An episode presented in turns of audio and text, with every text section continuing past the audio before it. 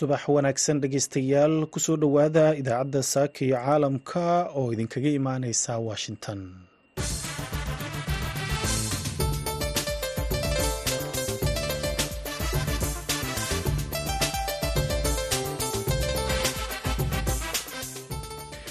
Waa subax sabti ah tobanka bisha februaayo sanadka labaatanka. Idaacadda saaka iyo caalamka waxaa idinla socodsiinaya anigoo ah cabdulqaadir maxamed samaka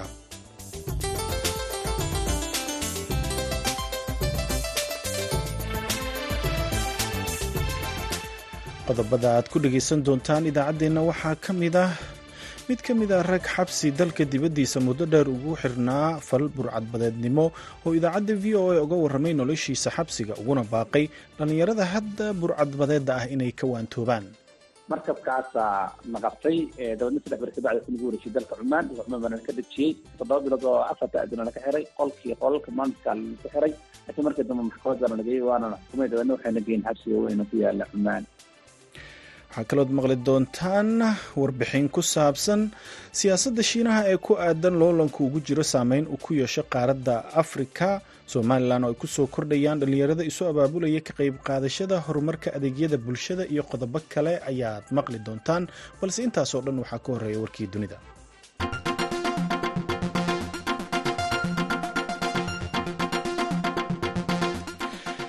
ra'iisul wasaaraha israa'il benyamin netanyahu ayaa jimcihii sheegay inuu ku amray militariga dalkiisa inay diyaariyaan qorshe dadka rayidka ah looga daadguraynayo magaalada rafax ee ku taalla dhinaca koofureed ee marinka gaza xilli ay ciidamada israa'il isu diyaarinayaan inay howlgal dhinaca dhulka ah ka fuliyaan magaaladaasi.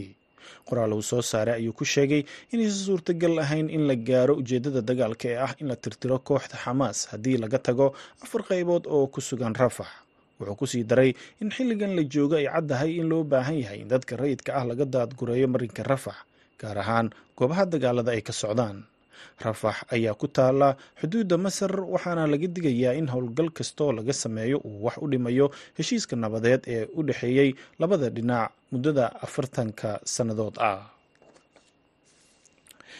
ciidamada ammaanka ee senegaal ayaa sunta dadka ka ilmaysiisa ku furay dibadbaxyaal jimcadii ku sugnaa magaalada caasimadda iyadoo ay sii kordhayso carada ka dhalatay dib u dhigista doorashada madaxtinimo ee dalkaasi oo la sheegay inuu ku dhintay qofkii ugu horreeyey wiil arday ah ayaa la sheegay in lagu dilay magaalada waqooyiga ku taalo ee san louis xilli mudaaharaadyo ay ku baaheen guud ahaan dalka ku yaalla galbeedka afrika booliska ayaa ku tuuray sunta dadka ka ilmaysiisa si ay u joojiyaan mudaaharaadayaasha oo isku dhaceen kuwaasoo ku sii socday fagaaro ku yaalla bartamaha magaalada dakar halkaasoo la qorsheeyey inay isu soo baxyada ka dhacaan.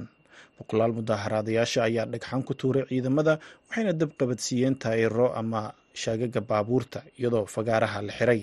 Carada dadka ay qabaan ayaa sare u kacday tan iyo markii madaxweynaha dalkaasi miki sall uu dib u dhigay doorashada madaxtinimo ee la qorsheeyey ka bishan februaayo loona dhigay ilaa iyo dhammaadka sanadka.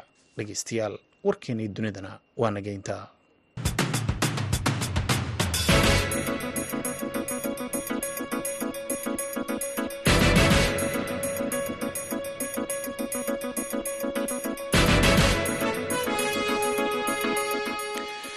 subax wanaagsan dhegeystayaal aan ku bilownay fu'aad cabdulqaadir oo ka mid ah dhallinyaro soomaali ah oo laga soo daayay xabsiyo dalka dibaddiisa ku yaalla oo ay ku mutaysteen fal burcadbadeednimo ayaa idaacadda v o eda uga warramay waayihiisa xabsiga muddadii uu ku xirnaa iyo wixii uu ka bartay. Fu-aad oo dhowaan buu qoray ayaa sheegay inuu xirnaa muddo toban sano ah isaga iyo raggii la socday oo la qabtay sannadkii laba kun iyo labaiyo tobankii markaasoo ay soo afduubteen doon laga lahaa dalka cumaan waxaa soo qabtay askar ka tirsan ciidamada badda ee dalka holland kuwaasoo u gacangeliyey dowladda cumaan oo dalkeeda maxkamad ku saartay xukun sannado xabsi ana ku riday. Wuxuu u warramay wariyaha v o e da faadimo yaasiin jaamac. Labada kun iyo labaiyo tobanka bishii lixaad baan garacad ka baxnay. Garacad haddaan ka tagnay dooni ma wadanay dooni ayaga naga kharaabtay dooni kale cumaani aan qabsanay. Doonida cumaanida aan qabsanay anagoo haysano oo dadkeedii iyo waxeedii haysano wadano oo soomaaliya soo socona baa waxaana la kulmay markab holandiisa oo maraakiibta badda ware maaragtay waardiisa marka ahayd. Markabkaasaa na qabtay dabeedna saddex beri kabacdi ku nagu wareejiyay dalka cumaan. Dalka cumaan baana ka dejiyey todoba bilood baa xirnayn toddoba bilood oo afarta adina laga xiray qolkii qolalka maalinkaa lagu xiray. Laakiin markii dambe maxkamad baana nageyey waana na xukumay. Dabeedna waxayna geyin xabsiga weyna ku yaalla cumaan. Xabsiga toban sana nolol badan oo kala duwan baan xabsiga dhexdeeda ka soo maray. Asaga gudihiisa waxaan ka timi waxbarasho. Inkastoo de hore aan ku soo bartay haddana waxbarashada meesha ka sii bilaabay waxaan ku bartay. shareecadana waa bartay luqada carabiga waa bartay arrimaha bulshadana waa bartay. Kun iyo laba toban bishii lixaad baana laqtay laba kun iyo saddex toban bishii saddexaad baana na geeyey meesha la yihahdo masqad na geeyey caasimada xabsiga weynana la geeyey halkaasa waxbarasho ku bilaabay. Suuradda bartaasa qur'aanka ka bilaabay qur'aankana waxaa dhameeyey labada kun iyo sideed toban bishii sagaalaad meelahaasaa dhameeyey sidoo kale luqada carabigaan baranayey kitaabka fiqigaan baranayey axkaamta oo dhan baan baranayey tawxiidkaan baranayay adigu meeshaas waxbarasho fiican ku qadan alxamdulilah rabbilcaalamiin dabeedna labadii kunba haddii la gaaray arrimaha bulshada iyo waxyaalahaasaan maarata ku biiray inaan barto marka alxamdulilah waa ka sii faaidnay waana maarata faydo weyn bay noo ahayd isbeddel weyn bay noo ahayd waxayna ahayd waqti markii la fiiriyo waqtiyada soo maray waqti igu qaalisanayd waxay ahayd oo aan ka faa'idaystay waqtiga xabsiga ku jiray tobankaa sano horta xabsigu waa asaga wuxuu yahay asaga wuxuu yahay duruus laftiisa duruusa marka waxyaala badan oo kalena waa ka faa'iidnay xabsiga aad ku jirtay imise qof ayaa soomaali ku xiraa oo burcad badeednimo ku eedeysnaa? Soddon iyo saddex nin bay ahaa baan ahayn. Adiga ya imise adiga kula socday? Aniga shasaanta lix qof baa la socotay lixdiini marka ma laini soo daayey waana la soo daayey labada kun iyo labi kow iyo labaatanki markay gaadhay baa waxaan isku dayay inaan looyar qabsano inaan ku doodno anoo ciyaal baan markaa soo galnay. Aduu looyarkii lacagna la baxno. Imise sanaa jidha markii lagu xiray? Walaala xabsiga markaan galay sagaal toban sanaan jiray markaan ka soo baxayna sagaal iyo labaatan sanaan jiray oo maasha allah soo bartay oo waxbarasho fiican soo qaatay oo dee isbeddel iyo wacyi badan soo qaatay. Marka almuhim markii aan joognay sagaal sagaalaas markaan jiro oo labada kun iyo kow iyo labaatankii bishii laba tobnaad baan ka soo baxnay meeshaas laba baan qabsanay soomaaliya haddaad timi nolosha cusub kuu bilaabatay maxay ahayd soomaaliya haddaa imid nolol cusub ay bilaabatay labada kun iyo labada kun iyo kow iyo labaatankii bishii tobnaad baan ka soo degay magaalada boosaaso ayaan jooga ka soo gudbay gaalkacyaan imid gaalkacyan ka bilaabay hor leh waxaan bilaabay inaan markaas maaragtay ku ururka caafimaadka dhakhaatiir baan turjubaan waxaa luqada carabiga aduu sanad baan la shaqeynayay si fiican baan maaragtay wax uga faa'iiday caafimaadkaan bartay dabeedna loo horro ganacsigaan galay markaasaan reer iyo guursaday alxamdulilah rabbilcaalamiin gabadhan guursaday marka markaasaan nolol horro waxaan bilaabay ganacsi bilaabay. Alxamdulilah marka isbedelkaas fiican baan sameeyey dabeedna buug baa jiray. Aan soo dhaafay oo marka horena xabsiga aan ku qoray oo dhulka qarsoon la yidhaahdo xabsiga aan ku qoray. Markaan dambana banaankaan ku dhamaystiray oo bug cajiiba weeye oo afkaarta idil ka hadlayo oo dee noloshiio idil masalaya weeye qofkuna wax badan uu ka faa'iidayo isbeddel badanna uu ka faa'iidayo. Fu-aadow ma is leedahay xabsigu xal buu ku ahaa in badan buu ii ahaa nolosheedaba intii ugu fiicneed aan ka soo maray inta xabsiga ku jiray ahay hadda waxaa la sheegayaa in burcad badeedii ay dib u soo cusboonaatay marka adoo og dhibka ay leedahay iyo dhibaatada ah ka soo martay maxaad fariin ah oo aad dhalinyarada u diri lahayd walahi waxaan leeyahay waxaan soo arag wallahi xabsiyada waa dhib badan yihiin dhibaato weye idinka iyo waalidkiin kulli waa ku dhibaatoonaysaan qofkuna haddii la xiro waalidkii dhib buu gelaya isaguna dhibaato gelaya marka waxaan leeyahay fikirkan burcad kala yihahdo waa burcad burcad marka faa'iido male hadda hadda lacag ka soo heshidna faa'iido male oon xaaraan. Haddaad aadan ka soo waayin ama ku dhimatid ama lagu xirana waa khasaaro mar kasta marka burcad waa khasaaro waxaan leeyahay marka dhalinyarada soomaaliyeed afkaarta inaad bedeshaan oo hadda dhulka kala soo baxdaan waxaan oranaya ka waantooba. Kuwa haystana waxaan leeyahay ka waantooba. Hadday codod qeyb gaaro. Kaasi wuxuu ahaa fu-aad cabdulqaadir oo u waramayey wariyaha v o eda ee magaalada boosaaso faadumo yaasiin jaamac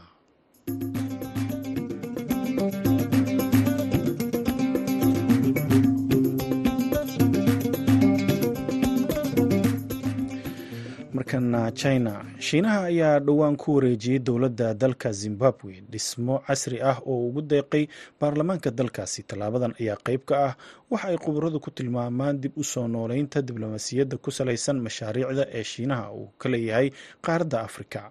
Faahfaahinta warkan waxaa inoo haya xuseen barre aadan.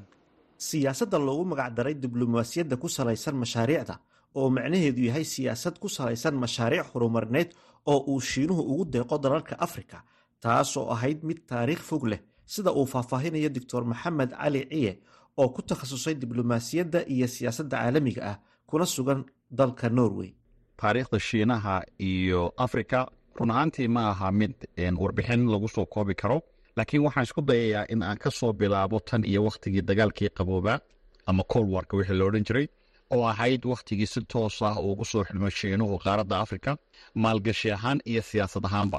Waxaan ogsoonahay shiinuhu inuu dadaal badan geliyey qaaradda afrika sida uu uga heli lahaa garab siyaasadeed oo uu u sababay kursiga uu maanta ku fadhiyo security consulka taasi oo wadamo badan oo afrikaan ahi ay garab ka siiyeen ama u codeeyeenba. Lana odhan karo xitaa isaguna wuxuu ka mid ahaa in uu garab siiyo dalal badan oo afrikaana sidii ay xornimo uga heli lahaayeen wadamadii gumaystayaasha ahaa ee wakhtigaasi haddaba mashaariicdii ugu horreysay dhismo ama maalgashi ee uu ka bilaabo africa waxaa ka mid ahaa mashruucii tanzania iyo zambia ee railwayga ahaa iyo mashaariicda soomaaliya uu ka fuliyey oo ahayd soomaaliya waddamada halbowlaha u ahayd sidan hore buu sheegay. Oon ogsoonaha haddaan isku daya inaan dhowr ka taabto dhisida stadium muqdisho iyo maxaa la yidhaahdaa isbitaal banaadir wadadan waqooyi iyo koonfur isku xidha iyo mashaariic kaloo aad u fara badan oon ogsoonaha weliba soomaaliya inay ahayd waddamada halbowlaha u ah ee uu afrika kaga xidhan yahay. Taayna ay sabab u ahayd mandiqada ay soomaaliya kaga tayro qaaradda taasi ay keentay in xidhiirka intaa leeg iyo ku-xidhnaashaha uu laado. Haddaba isbeddelka iyo horsocodka shiinuhu uu keenay ee ah inuu ka mid noqdo waddamada super powerka caalamka number oneka kaga dagaalamaya ayaa waxay keentay inuu iminka dib u soo laba kacleeyo oo uu bilaabo maalgashi dhinaca qaaradda afrika. Ah waxaan ogsoonahay inuu wadamo badan iminka ka bilaabay dhisitaan wadooyin wadooyin tareemeed iyo wadooyin caadiya daamam ama biyo xidheenno. Mashaariic kale oo aad u fara badan in wadamo kaasa oo afrika ku yaalla uu ka bilaabay weliba la odhan karo sida dalalka angola etoobiya iyo nigeria iyo wadamo saasoo kalea inuu aad u maalgashtay oo hanti badan uu geliyey. Waxa weeyaan siyaasiyan ayaa waxay keentay inuu iminka ku soo jeesto qaaradda afrika inay muhiim u tahay.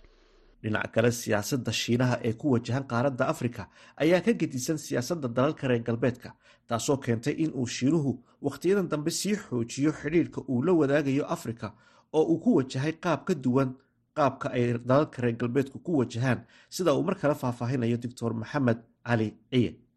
Haddii aan dib u noqonno tan iyo wakhtiyadii ay xornimada qaadatay qaaradda afrika inta badan sidii ay waddamada reer galbeedku uga qayb qaadan jireen horumarka infrastructionka iyo horumarka wadamadaas in ay isbeddel badan ku yimiday tan iyo wakhtigii u burburay dagaalkii labaad ee adduunka oo aysan jirin wax political challenge la sameeya waddamada reer galbeedka. Waxaa lagu eedayaa waddamada reer galbeedku in mucaawano keliya ay isugu soo urureen oo ay yareeyeen horumarkii iyo maalgelintii badnayd ee waddamada afrikaanka siin jireen. Laakiin shiinuhu waxa uu helay fursad bannaan oo ah in waddamada reer galbeedka ahi ay gaabiyeen qaabkii ay ula macaamili jireen qaaradda afrika taa ayaa waxay keentay inay albaab u furto shiinaha in la soo dhoweeyo oo laga ogolaado wax walba oo kaga qayb qaadanayo horumarka qaaradda afrika. Shiinuhu waxa uu maalgeliyey wadamo aad u tiro badan oo weliba uu lacag aad u fara badan ku leeyahay. Oo ay ka mid tahay dalka etoobiya angola nigeria wadamo aad u fara badan. Laakiin waxa uu ka qayb qaataa dalkaasi waxyaalihii uu u baahan yahay ee isagu uu ka dalbado hadday noqon lahayd wadooyin dekado biyo xidheenno iyo waxyaalihii la midka ah. Haddaba sidaa ayay farqi ugu kala dhexeeya waxaad u malaysaa shiinuhu inuunan political influency iska horkeenitaan waddamada afrikaanka gudahooda iyo waxyaalaha uuna weli gaarin laakiin weli isagu ku mashquulsan yahay sidii dadka afrikaanka ahaa iyo siyaasiyiintoodaba uu gacanta ugu dhigi lahaa xiriir wanaagsanna ula yeelan lahaa. Taa weyaan farqiga u dhaxaysa labadaas aad ayuu mahadsan yahay xuseen barre aadan oo warbixintaasi nala socodsiinayay.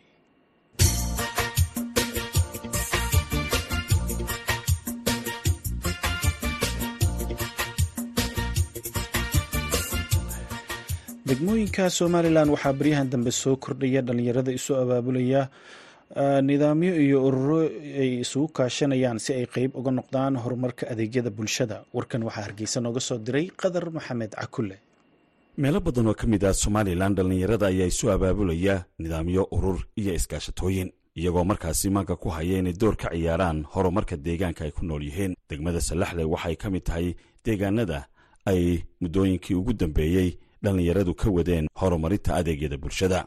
Waxaana ka jira ururka horumarinta dhallinyarada degmada salaxley kaasi oo shirweynihiisii lixaad ku qabsaday degmadaasi munaasabaddanna waxaa ka qayb galay saraakiil ka tirsan xukuumadda somalilan oo uu ka mid yahay wasiirka dhallinyarada iyo ciyaaraha agaasimaha guud ee wasaaradda arrimaha gudaha iyo xildhibaano ka tirsan golaha wakiilada. Ugu horreynna waxaa madashaasi ka hadlay guddoomiyii hore ee ururka horumarinta dhallinyarada degmada salaxley farxaan cawil waxaana uu taabtay doorka ay urur ahaan ka ciyaareen horumarinta bulshada gaar ahaana baraarujinta dhinaca koruqaadka xirfadda dhallinyarada. Bilowna xirfadda waxbarashada kombyuutarka dawaarka iyo cunto karinta. Ilaahayna haddii maanta oo waktigaa aanu soo hogaaminaya naga dhammaaday waxaa ka qal jabiyey boqol arday oo boqol kuba ay haystaan shahaadooyinkooda caddaynta ahaa oo la aqoonsan yahay ku saxeexan maamulka ururka iyo wasaaradda waxbarashada oo ay ku shaqo tegi karaan. Qalabka aanu isticmaalna runtii aad buu yaraa. Mu ahayn qalabna lagu caawiyey ama aanu mashruuc ka helnay duqa degmada sallaxley axmed buraale ayaa iftiimiyey sida ay dhallinyaradani kuwii ay xirfadaha sii bareen haatan uga shaqeeyaan xafiisyada kala duwan ee shirkadaha iyo kuwa dowladda ee degmada sallaxley. Waxaanu ka bilownay waxbarashadii xirfadaha xilligaa runtii aanu naguwa joogay oo runtii xilligaa adkay in la bilaabo. Waxaan aad ugu mahad celinaya ninka halkaa taagan maxamed sheekh cali joofle. Oo runtii ahaa macallin ku guuriyey magaalada hargeysaanu ka keenay isagoo weliba shaqo kala haya shaqada runtii bilaabay ilahay mahadi ka gaadhay waxaa runtii iyaduna arrin aada u weyna in dadkii xilligaa ama dhalinyarta xilligaa halkan ka bilowday xirfadahu ay yihiin dadka maanta fadhiya xafiisyada ee ay tiyahaan u shaqeeya hadday noqoto shirkadaha tii somta muxuu ahay shaqada ka bilaabay iyo meelaha kale computerka lagaga shaqeeyaba qaarkood macalimiin ay yihiin qaarkood dowladda hoose ay joogaan. Wasiirka dhallinyarada iyo ciyaaraha somalilan cabdirasaaq muuse ayaa isdultaagay sida ay dhallinyaradu saameyn ugu leeyihiin horumarka. Waxaana uu ku baraarujiyey dhallinyarada reer salaxley gaar ahaana kuwa ururka soyda in halkaasi ay ka sii wadaan horumarkooda. Ugu horeyn waxaan baarigayaa nolosha guud ahaanba gaar ahaanna waxaan baarigayaa dhallinyarada soyda uu ka muuqdo dadaal fara badan iyo sooyaalka taariikheed ee ay leeyihiin runtii aada u qurux badan waxaan baarigayaa wax kasta oo wanaaga oo aynu ku tallaabsanay kaasoo sharaf noo wada ah dhammaanteedba xukuumad ahaan in nabadgeliyo iyo barwaaqo iyo horumar aad ka sheekaysaan islamarkaana aynu ku naaloono runtii waa waxaweeye waa wax wanaagsan oo aynu inagu qabsanay. Waxaan jecelahay inaad dadaalkiina halkaa ka sii wadaan taasina ay noqoto waxa indicatorka inoo ama halbeega inoo ah ee aynu ku horumarinayno qarankeena laga soo bilaabo degu ilaa heer qaran. Arrinta aadka u xusida mudana waxay tahay dowladda hoose oo runtii iyana dayactir aada u qurux badan ka geysatay xilligan adag xarunta dhalinyarada sallaxley khadar maxamed cakulle v o a hargeysa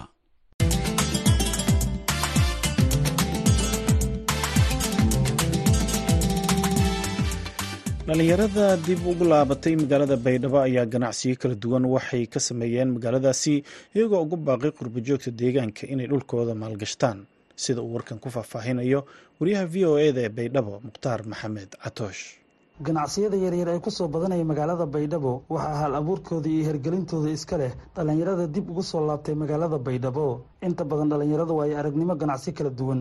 Ayay kala soo laabteen magaalooyinka kale ee dalka oo ay tageen waxayna magaalada baydhabo ka furteen ganacsiyo kala duwan oo daboolay shaqo la'aantii magaalada ka jirtay. Aadan maxamed nuur wuxuu ka mid yahay dhallinyarada ganacsiga ka furtay magaalada baydhabo wuxuuna ka yimid oo horey ganacsi ugu lahaa deegaano ka tirsan maamulka puntland. Aadan ayaa sheegay tan iyo markii baydhabo uu ka bilaabay saddex sano ka hor ganacsigiisa inuu dareemay horumar ganacsi wuxuuna qurbo joogta ka codsaday inay maalgashadaan magaaladooda ganacsiyana ka abuuraan. Hatan baryaa ka shaqeyn jiray in badan ka maqnaayo muddada ilaa dhowr labaatan sano. Hata muddada may roogeen saddex sano oo kale roog alxamdulillah nolol maalmeedana maasha allahu. Qaabka haddi magaalada aan shaqi haytay oo ganacsi iyo amniga iyo haddii la fiirano eed ila anfaylata weli may ka codsanayaan dadka qurbaha jooga oo maara haddii magaala ka maqan inay ganacsi abuur suubiyaan oo wadanka ku nagdaan oo maara dib hangnagdaan taas eedeeda maara aan ka rajacaan sababta mayba wadankii dowladda yaalla wado la suubiyahay nooc walba dhagaaleen ba ahanta. Markan midba ka codsadaan dadka jaaridaha mise qurbaha rogaan ina wadanka ka nagadaan oo maarada shaqaysadaan walyara ku bilaabaan nolol maalmada maasha allah ka filanyiin maciishada magaalada isku faylata hoobaad geeg hagal toban doora mise laba doora hagal maasha allah. Ciyaalkay adag ka filanyiin saas awgeeda sahta gobollada kale la mid ma ah baydhabo maciishadii isku tagis waay hata dhagaale businesski madada fiirdana sida waagi hor ma ah maadaama wadanka burbur badan ha maray dhibaato badan ha marti laakiin geeg alxamdulilah gobolad badan dhaanta dhagaale taala calanka shaqaysa hooji bilaanka dhikada. Xasan mukhtaar isaaq oo ka mid a dhallinyarada ganacsiga ka bilaabay magaalada baydhabo ayaa xusay gobolladii ay tageen inay ka soo heleen dhaqaale iyo khibrad ganacsi. Magaalada tan baydhabo madaada sidan fiirida horta yaal bari yaan badan dad omeel badan kina badan ha karooray. Kadib mayba wadanka ha kanaaqda yaan badinin ana barnaamijka amadaan ha bilaaway labada kun iyo tumi iyo shanti ahayti gaar ahaan magaalada garowga iyo ha ka bilaaway dhib badan allahan mari. Lowna mayba taarigdamadaanu ku warama zaid mayba ninka dheeradaasa ganacsigaas meelaha ka bilaaway kadibna xilligii oo lamada kun tumi iliti dabagaadadeeda yaanta kooy ilaa intaas si dhaatun barnaamijyada mayba siwen lowna un mayba meel badan hamar baydhabo waxaa sannadihii ugu dambeeyey soo kordhayey ganacsiyada yaryar ee kala duwan kuwaas oo inta badan ay iska leeyihiin dhallinyarada magaalada dib ugu soo laabtay. Mukhtaar maxamed catoosh v o a baydhabo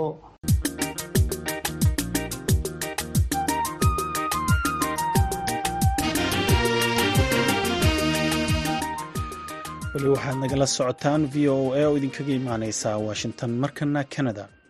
Maamulka dowladda gobolka ontario ee dalka canada ayaa heshiis ku kacaya balaayiin dollar oo lagu horumarinayo caafimaadka la gaaray dowladda federaalk ee dalkaasi. Ontario ayaa waxaa degan soomaalida ugu badan ee ku nool canada marka loo eego gobollada kale. Xuseen nuur xaaji ayaa warkan ka soo diray canada. Ra'iisul wasaaraha canada justin trudeau oo la taagan madaxa gobolka ontario darkford iyo wasiirka caafimaadka ayaa jimicihii shalay ku dhawaaqay saddex dhibic hal bilyan oo dollar oo lagu horumarinayo caafimaadka gobolka ontario. Ontario ayaa noqonaysa gobolka shanaad ee dowladda dhexe la gaarta heshiis lagu horumarinayo caafimaadka oo lagu bixinayo lacag dhan laba boqol oo bilyan oo dollar. Madaxa gobolka ontario darkford ayaa sheegay in lacagta ay gelinayaan horumarinta caafimaadka balse ay cid walba ka rabaan wada shaqayn buuxda yaasiin abikar oo ah suxufi degan magaalada toronto ayaan weydiiyey taageeradan dhaqaale. Waxa ay ka tari karto horumarinta caafimaadka gobolka ontario. Wax badan ayay ka tari kartaa sida aynu la soconno hadda marka la fiiriyo dhinaca dhakhaatiirta waxaad arkaysaa in nambarkoodu aad u yaryahay taasina ay keeni karto in dadka ay sugaan waqti badan kolka ay tagaan emergencyga. Waxaa kaloo ayadana baryahan aad looga cabinayay in ay yar yihiin sariiraha cisbitaalka yaalla dadka qaarkoodna aan sariiro loo hayn oo cisbitaalka u baahan yahay sariiro si dadka markaas oo u baahan in cisbitaalka la seexiyo ay seexdaan. Waxay kaloo aad uga cabanayeen ayagana baryahan in kalkaaliyaasha caafimaadka naftirkooda ay yar yihiin taasina ay keenayso inay waqti badan shaqeeyaan. Waxayna ontario baryahan ka qaylinaysay ayna rabtay xataa inay qorto ners cusub ama kalkaaliya caafimaad cusub si waqtiga badan ay shaqeynayaan kalkaaliyaasha caafimaadka naftirkooda loo xadado marka lacagahan maanta hadda federaalka hadda u ballan qaaday ama dowladdan federaalka ay ballan qaaday waa wax wax badan ka bedeli doona dhinaca caafimaadka ee gobolkan ontario. Waana wax loo baahnaa in mar hore la sameeyo. Ra'iisul wasaaraha kanada justin trudeau oo warbaahinta la hadlayay jimcihii ayaa sheegay in adeega caafimaadka ay bixiyaan dowlad goboleedyada balse dowladda federaalka ay leedahay kaalin ah in ay taageerto horumarinta daryeelka caafimaadka dhaqaale ahaan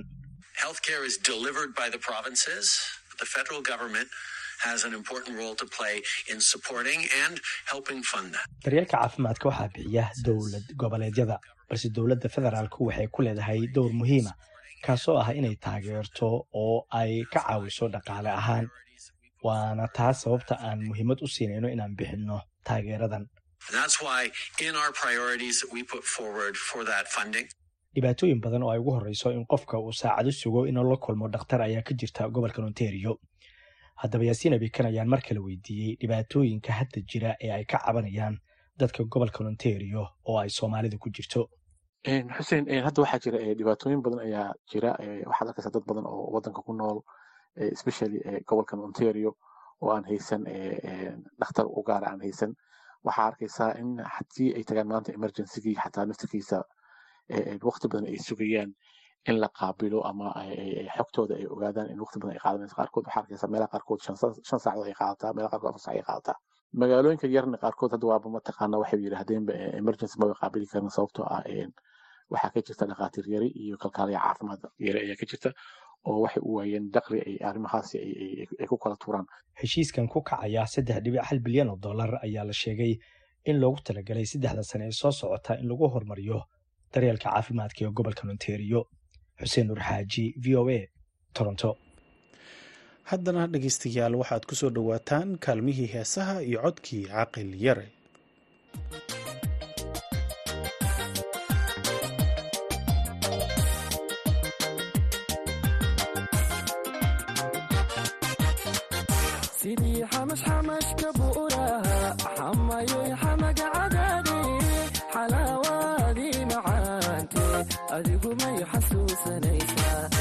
xishoodayo caashaqaagiiba xanuun weynigu abuure anigu xalay seexan adigu may xasuusanaysaa sidii xamashxamashka bu'uraha xamayoy xamaga xalaawaadii macaante adigu may xasuusanaysaa xishoodayo caashaqaagiiba xanuun weynigu anigu xalay seexan waaye adigu may xasuusanaysaa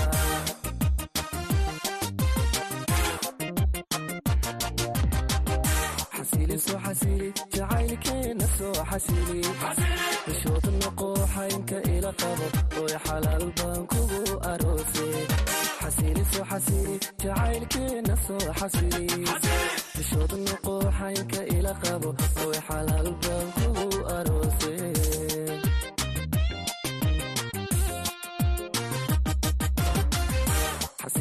xasili jacaylkeena soo xasili xishood noqo xaynka ila qabo oy xalaal baan kugu aroose xasili soo xasili jacaylkeena soo xasili xishood noqo xaynka ila qabo oy xalaal baan kugu aroose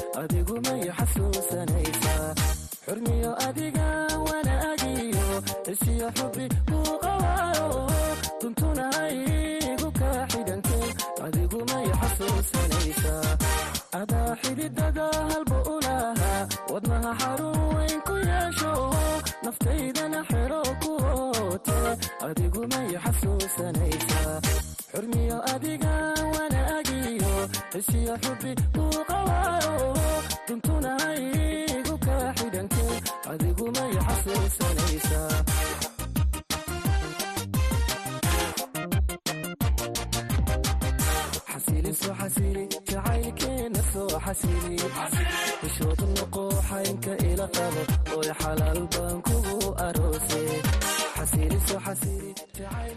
heestaasi xasili oo uu ku luqeeyo caaqil yare ayaa u dambeysay idaacaddeenii subaxnimo oo haan idinla socodsiinayey oo idinkaga imaanaysa idaacadda v o a. Tan iyo idaacaddeenna duhurnimo dhammaanteen waxaannu idinkaga tegaynaa sidaa iyo nabadgelyo xaynka ila qabo oy xalaal baan kugu